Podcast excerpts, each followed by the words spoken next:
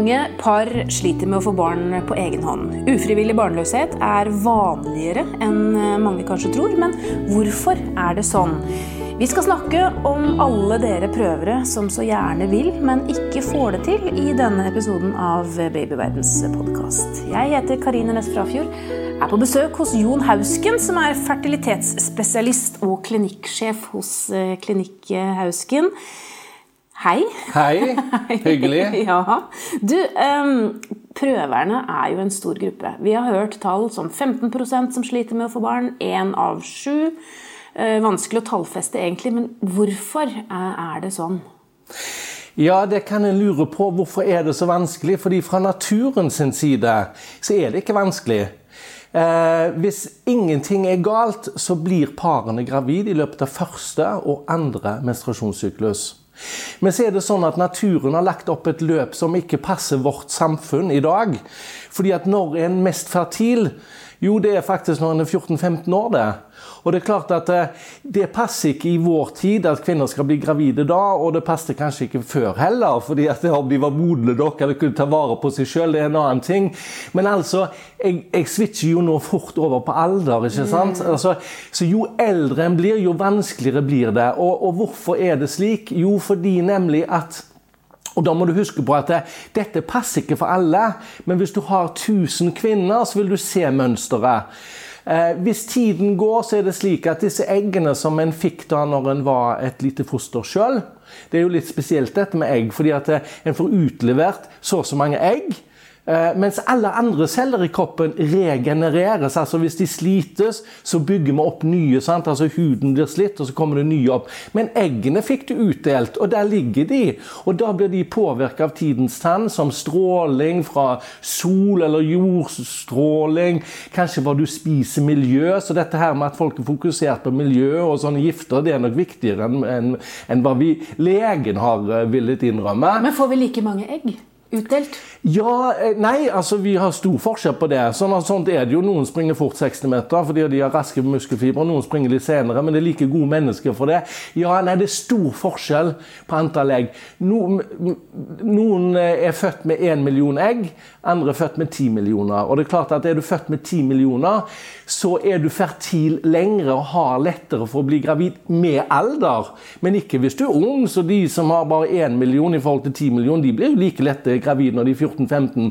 Men tilbake til tallet. fordi at det, Hvis disse eggene blir av varierende kvalitet, så er det sånn at det forsterkes med alder. og Hvis jeg bare da bruker 40 år som en sånn utgangspunkt De fleste er jo kanskje ikke 40 når de starter, men det er så lett å si, for det har vi tall på. Når du er 40 år, så er det én av ti egg som normale. Når du er 42, så er det 1 av 20. 44 1 av 40. Når du er 45, så er det 1 av 50. Så hvis vi da sier 1 på 44, så har altså 1 på 40. Når vi vet at dette med modningen av eggene og dette med eggløsning, det er tilfeldig tilfeldig egg som blir plukket ut. Da er det altså at hun har 1 på 40. del sjanse når hun har samleie hjemme ved eggløsning. Og det er klart at 1 på 40 det er Altså Én på tolv hadde jo vært én gang i året, så da hadde liksom vært tredje år i den gruppen. Da er det vanskelig å bli gravid. Og den gruppen kan òg bli litt vanskelig å hjelpe. fordi at det, Hvis vi stimulerer For IVF er jo egentlig det skal vi snakke om senere, da, men IVF er jo egentlig matematikk. Jeg henter ut flere egg. La oss si jeg får ti egg. Du har ett eggløsning, altså er jeg ti ganger bedre enn deg. Så da har jeg større mulighet for å finne et godt egg. Men tilbake til årsaker. Ja, men jeg tenker Hvis man er eh, 30, da. Eh, gjennomsnittsalderen for å få barn i Norge den er rundt 30 år, sånn pluss-minus. Eh, så hvis man er 30 år tenker at nå er det på tide å få barn, og får det ikke helt til på første eller andre gang, som du sier, eh, da er det et eller annet feil, da? Ja, da er det noe som ikke fungerer optimalt. Det betyr ikke at det ikke kan fungere. Husk på med dagsform, da. Altså, Av og til er du i god form og liksom mestrer alt, og så går du kanskje inn i en to måneder med litt, eh, litt slitsom eh, forhold hjemme og føler deg ikke så bra. Altså, Dette går jo litt i rytmer, Så om du har et problem her og nå, så trenger ikke det bety at det vil forfølge deg. Det som er typisk med det, er f.eks. den mest vanlige årsaken i den aldersgruppen som du sier. La oss si midt 20, opp mot 30, det er faktisk eggmodning. Eh, jeg vet ikke om du har hørt om PCOS, det burde nesten vært et eget kapittel. PCOS er egentlig det heter så fint som polycystisk ovariesyndrom. Det betyr en opphopning av egg som er nesten ferdig modna. Men så er de ikke helt modne. Og hvis de ikke er helt modne, så går de heller ikke til eggløsning. Så altså, eggløsningen stopper. Og det som kjennetegner det, er kanskje litt sånn utsettende menstruasjoner. Men de kan òg ha regelmessig menstruasjon. For mange tenker ok, regelmessig menstruasjon, ergo alt fungerer. Men nei. Hos mange er jo det da tilfellet. Men hos mange, veldig, veldig, mange faktisk, så kan det være modningsproblemer. Enten fullstendig modningsstopp, eller at de har modningsproblemer annenhver til hver tredje syklus. og Det gjør jo at det går tid før du blir gravid. Det er ikke noe galt med de kvinnene, for de, de har jo gode egg. Og de har ofte mange egg òg. Men har du ikke eggløsning, så er det jo ikke så lett å bli gravid. Så det er den mest vanlige årsaken. Mm, hvordan finner man ut at man eventuelt har det, da? Ja, altså Det første rådet mitt til alle kvinner som prøver å bli gravide, det er to ting. Sjekk opp mannen din. Ja. Fordi at det er 50% av tilfellene så er det jo mannen som er problemet. Men du har jo bare snakket om eggene. Ja, derfor kvinner er jo alltid mye mer interessante enn menn. Men eh, vi må alltid sjekke opp mannen. Det er nummer én. Så han må sendes av gårde, for mannfolk tar jo aldri kontakt sjøl. Så han sender vi til legen, da, eller? Du må nok sende han litt eh, høyere opp i systemet. fordi det må være en lab som på en måte er vant med å håndtere og undersøke sædkvalitet. Så det er nesten på et IVF-laboratorium. Okay. Det er nesten bare der det foregår det i dag. Mm, mm, ja. Men klart, en mikroskopi av en Du vil jo få sånn Oi, her kryr det av levende sperme. Altså, du vil jo få et visst inntrykk. Men de fleste allmennlegere i dag eh, gjør det veldig sjelden og derfor føler seg litt utrygge på det. Mm. Ja. Ok, Det neste er har du eggløsning? Altså, Har vi fått klarert de to tingene, så har vi gjort 50% av utredningen. på en måte, Og det kan en altså gjøre sjøl. Mm. Det finnes òg apotektester for det med sædkvalitet. Jeg har sett en del som har vist gode, og så var det dårlig. Liksom. Så de er kanskje ikke helt å stole på, men gir kanskje en pekepinn. Så det gjør det jo enda enklere. Ok, Hun tester eggløsninger. hvordan gjør en det? Jo, hvis du har regelmessig syklus, er jo det lett. fordi at da Ok, Hvis en har 28 dager, da, bare for å ta et eksempel, så vet vi at eggløsning kommer midt imellom, altså dag 14. Og dag 14 det betyr altså syklusdag. Første blødningsdag er første syklusdag. og Så kan du bare telle deg opp. Og For å være sikker på å få den med deg, da, så begynner du litt i forkant. Kanskje du begynner å teste dag 11. da. Og Det er altså LH-tester. Det er det hormonet som utløser egg eggløsning. Og det LH-hormonet blir da så høyt Altså så kraftig konsentrasjon at det vises i urin. Så du kan kjøpe enten på apotek, eller enda bedre kanskje du, I dag er du på nettet. Der får du det for en tredjepart av prisen. Men er de like gode? De er like gode. Så det sniker seg alltid inn dette her at liksom å ja, ja, det skal komme, for det er ganske morsomt, det der. Ok, Men først, i alle fall. Du tester eggløsning i urin hver morgen sånn. Oi, der har jeg utslag. Ok, da vet du mm -hmm, Jeg har regelmessig menstruasjon, og eggløsningen passer med tiden. Og ja, jeg kunne påvise den. Da har du gjort ganske mye, da. Og så har du samleie. og Hvis ikke det går da i løpet av tre ganger med tima samleie og, Det er viktig. Og, ja, det er viktig. Og normal sædkvalitet da må en gå videre. Da er det ikke nødvendig å vente et år, for du har sjekka det mest vanlige. Ja, jeg har eggløsning, altså fungerer jeg hormonelt. Uh, han har normal sædkvalitet. Vi har samleie på rett dag. Da skal du ikke vente liksom et år. Holder, altså tre, etter tre måneder uten graviditet, da er det et eller annet noe annet. Så da må du bare gå og sjekke deg. Og spesielt viktig er jo det for eldre. Altså Er du 20, så har du kanskje tid på deg på en måte, ok, går det seks måneder til, så spiller det ikke noen rolle. Men hos en som er 39, så vil jo et halvt år forskyvning til gjøre noe ganske mye dårligere. Mm, men du, tilbake til det der med samleie og tiden. Eh, hvordan vet man at noen er på rett tid? Når er rett tid, og hvor mange ganger innenfor den perioden? Ja, eh, Der er det jo mye gode råd som henger igjen fra jeg vet ikke hva legene sa i gamle dager, ukeblader. Men altså, det holder jo med én gang, egentlig. Så sånn det der med liksom hele tiden, det, det er nokså slitsomt for paret. Eh, så når du hører at man har tatt eggløsningssett og ringer mannen på jobben og ber han komme hjem, Nei, det er tull. det er bare tull. Ja. Altså LH kommer 24, påvist urin ca. 24 timer før eggløsning. Og så må du huske på kroppen har fine rytmer. vet du. Sånn at Når eh, kan kroppen bruke liksom, tid og ressurser på en eggløsning som ikke er sånn at liksom, dette med adrenalin, at du skal overleve? Nei, det er om natten, det. Så eggløsningen hos de fleste kommer om natten. La oss si sånn klokken tre-fire. Så når du får positiv test om morgenen, så har du samleie samme kveld. For da er du rett før. Og hvis du orker, så kan du òg ta samleie om morgenen. Da har du fått dekka både før og etter eggløsning. Akkurat. Ja, Så den der med at mannen må springe hjem, det er bare tullgreier, da. Ok, men da vet vi det. Vi skal snakke mer om eh, hvorfor det er vanskelig å, å bli gravid for noen eh, straks, men vi tar en bitte liten pause først. Ja, Vi snakker om hvorfor det er så vanskelig å bli gravid. Jeg er hos Jon Hausken. Han er fertilitetsspesialist og klinikksjef hos Klinikk Hausken. Og du snakker på inn- og utpust, eh, Jon, og har masse kunnskap om dette her. Nå har vi slått fast at det eh, trenger ikke å være så vanskelig å bli gravid hvis man har eggløsning, og hvis mannen har eh, god sædkvalitet. Det er jo de to tingene du har sagt man skal sjekke først. ikke sant? Mm. Eh, men hvis det er i orden, og det fortsatt eh, tar tid, hvor lang tid skal det ta før man ber om hjelp?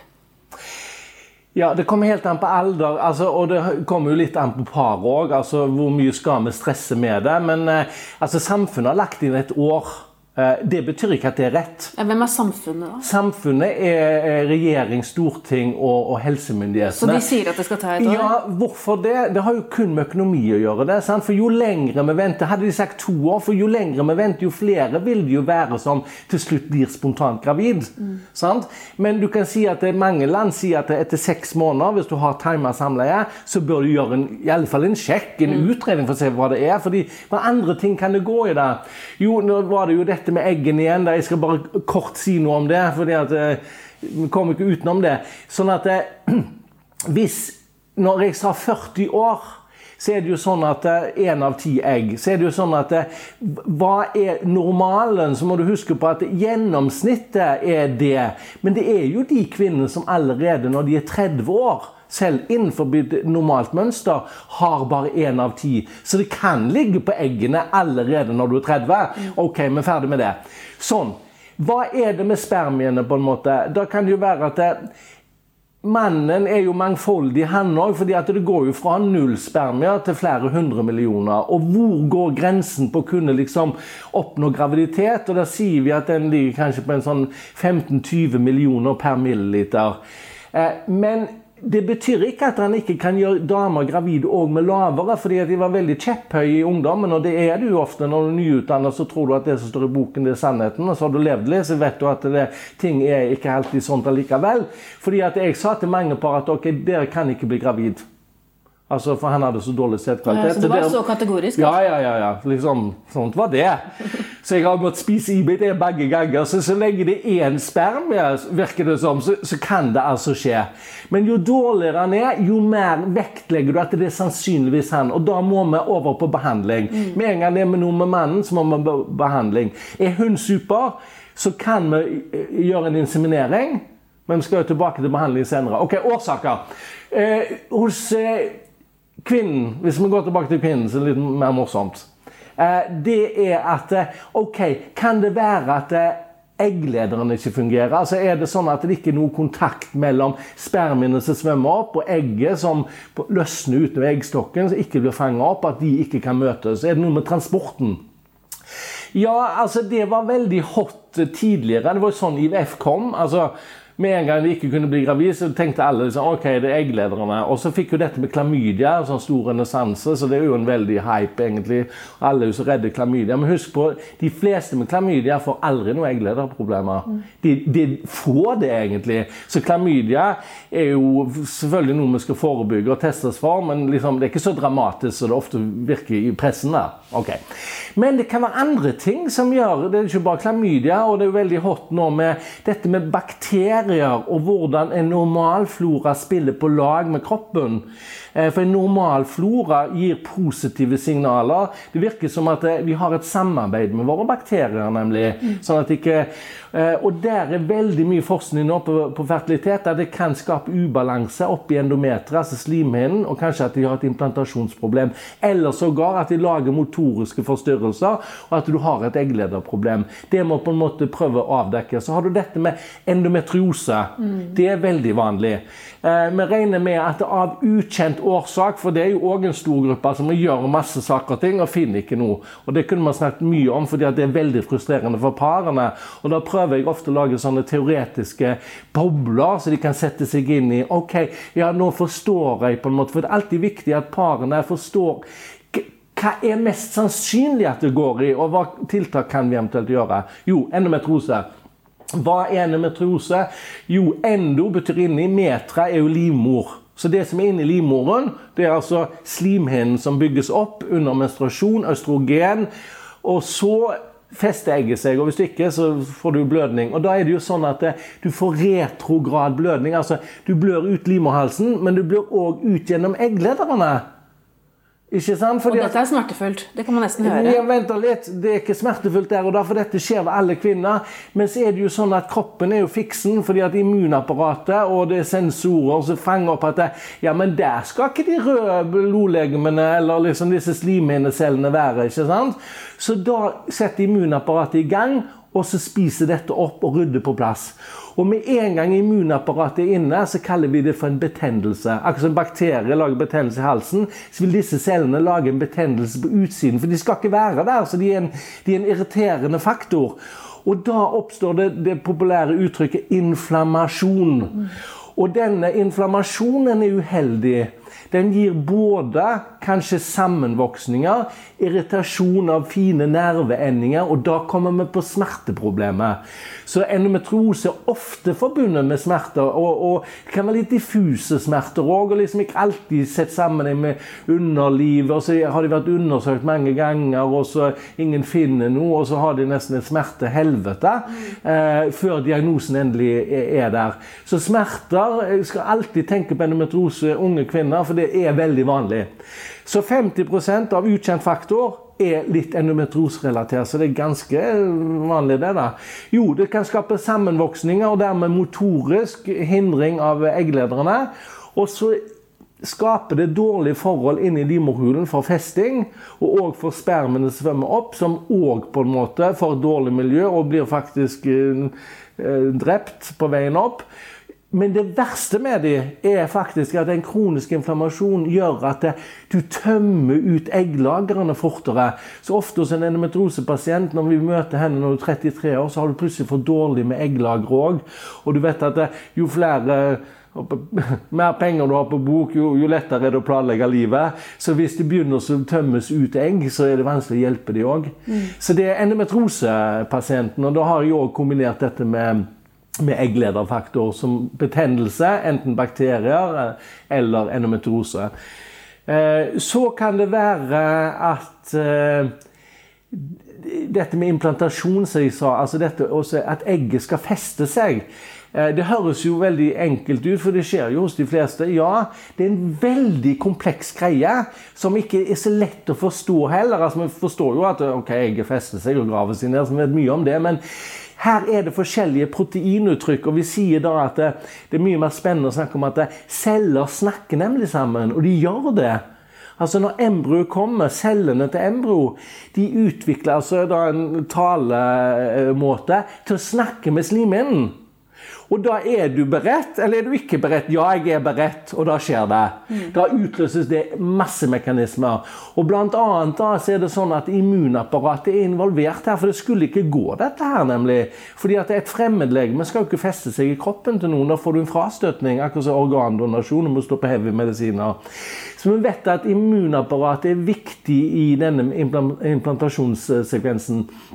Og Da er det nok noen som vi kaller for har et overaktivt immunapparat. Mm. Som faktisk angriper eller ikke tillater dette å feste seg. Det er en gruppe pasienter, og de har jo alle undersøkelser normale, men det går i de mekanismene. Men alt dette, det er jo veldig mange årsaker da skjønner jeg, som kan ja. føre til barnløshet, eller det at man sliter med å få barn.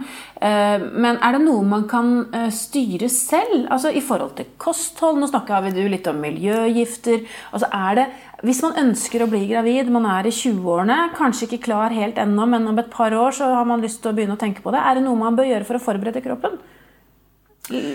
Trene og leve sunt er jo noe man alltid ja, hører at man skal liksom, gjøre. Men... Og det er jo egentlig det som er det gode rådet. fordi ja. at eh, det er klart at, og Der er vi inne på noe spennende. fordi dette her, Jeg snakket jo om det. Dette, dette å ikke kunne bli gravid, og alle tester og alt liksom virker som alt er på plass, men det skjer ikke. Det blir en det blir en litt sånn Det må jo være noe. Og ja, det har de rett i. Vi finner det bare ikke helt. Og da begynner en å lete etter slike ting. Altså, mm. Hva med kosthold? Eh, men ofte er disse parene, de, i alle fall de kvinnene som kommer, de er allerede bevisste. altså De har jo et kost, kosthold. Eh, de er begynt å trene. Disse parene gjør jo veldig mye som på en måte er fornuftige. Så, men liksom det som vi kunne snakke om, det er jo stress. For de påvirker stress. Eh, ja, sannsynligvis, men nå skal du høre noe morsomt. fordi at i en krigssituasjon så mister halvparten av kvinnene menstruasjonen. Altså de har ikke eggløsning. Så vi vet altså Stress det er jo kolossalt stress i en krigssituasjon. Ja, det påvirker iallfall eggløsning. altså Noe med fertilitet påvirker. Så da kan en tenke seg at det å stresse mye, det vil jo være negativt. Derfor er det gjort en del undersøkelser på å se på en måte hvordan, hvordan så stress ut i resultater på prøver, f.eks. Gjør de det dårligere? Og Da var det en stor amerikansk studie her for to år siden som hadde 3000-4000 par. Det er ganske mye. Skikkelig god studie, sånn som bare amerikanerne kan legge det opp. Eh, for det har med penger å gjøre det. Hvor de tester altså mye questionnaires, altså spørsmålsrelaterte hvordan føler du osv. Eh, som er validerte. Og så kunne de måle kortisol i spytt og blod, og bl.a. følge blodtrykk og puls. Det en kan måle av stress. Det er jo ikke alltid så lett å måle heller. da. Mm. Og da viste enden på visen da, viste at det gikk ikke dårligere med de som hadde kjempemye stress. Så ja, stress betyr sannsynligvis noe, men ikke så mye som parene tror. Så det er jo ofte du får høre det. Ja, men slapp nå av der, så går Hvis du bare slapper av Og da bruker de alltid et triks på det. Du vet jo at de der som liksom eh, eh, adopterer, da slapper de av, og så får de unge. Men det er sprøyt, vet du. For det er ikke det. fordi det, det, er ingen par nesten som er sterile. Så hvis du ser det over tid, så vil de fleste par bli gravid egentlig uten hjelp, faktisk. Eh, men det kan gå fem år.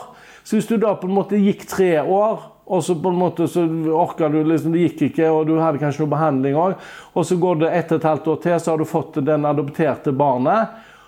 Og så blir du gravid etter et halvt år etterpå der. Sant? Så har du sagt ok, slapp det av med den ungen, og så gikk det likevel, for det var jo umulig. Nei, fordi det skulle skje etter fem år. Skjønner du? Mm. Så hvis du ser mer den sammenhengen der, så er det, det er nok ikke fullt så mye stress som vi tror. Du, Dette hører jeg at vi kunne snakket om i timevis, Jon Hausken. Men det kan vi ikke i denne episoden. I hvert fall. Men hvis du skal gi ett råd da, til de som ikke har blitt gravide på ett og to forsøk, hva er det? Ja, jeg ville nok sagt at eh, etter ett til to forsøk så ville jeg nok kanskje slappet av og forsøkt litt til. Det ville jeg nok. Eh, men oppsøk hjelp. altså Det betyr ikke at du skal ha behandling, men liksom se hva kan det være det går i, og hva kan en eventuelt gjøre med det. Så oppsøk folk som på en måte har greie på det. Du trenger ikke dermed gå i behandling, men få noen gode råd, fordi at vi vet på en måte hva det går i. Takk altså til Jon Hausken, som er klinikksjef og fertilitetsspesialist hos Klinikk Hausken, som du finner både i Oslo, Stavanger, Haugesund og Bergen.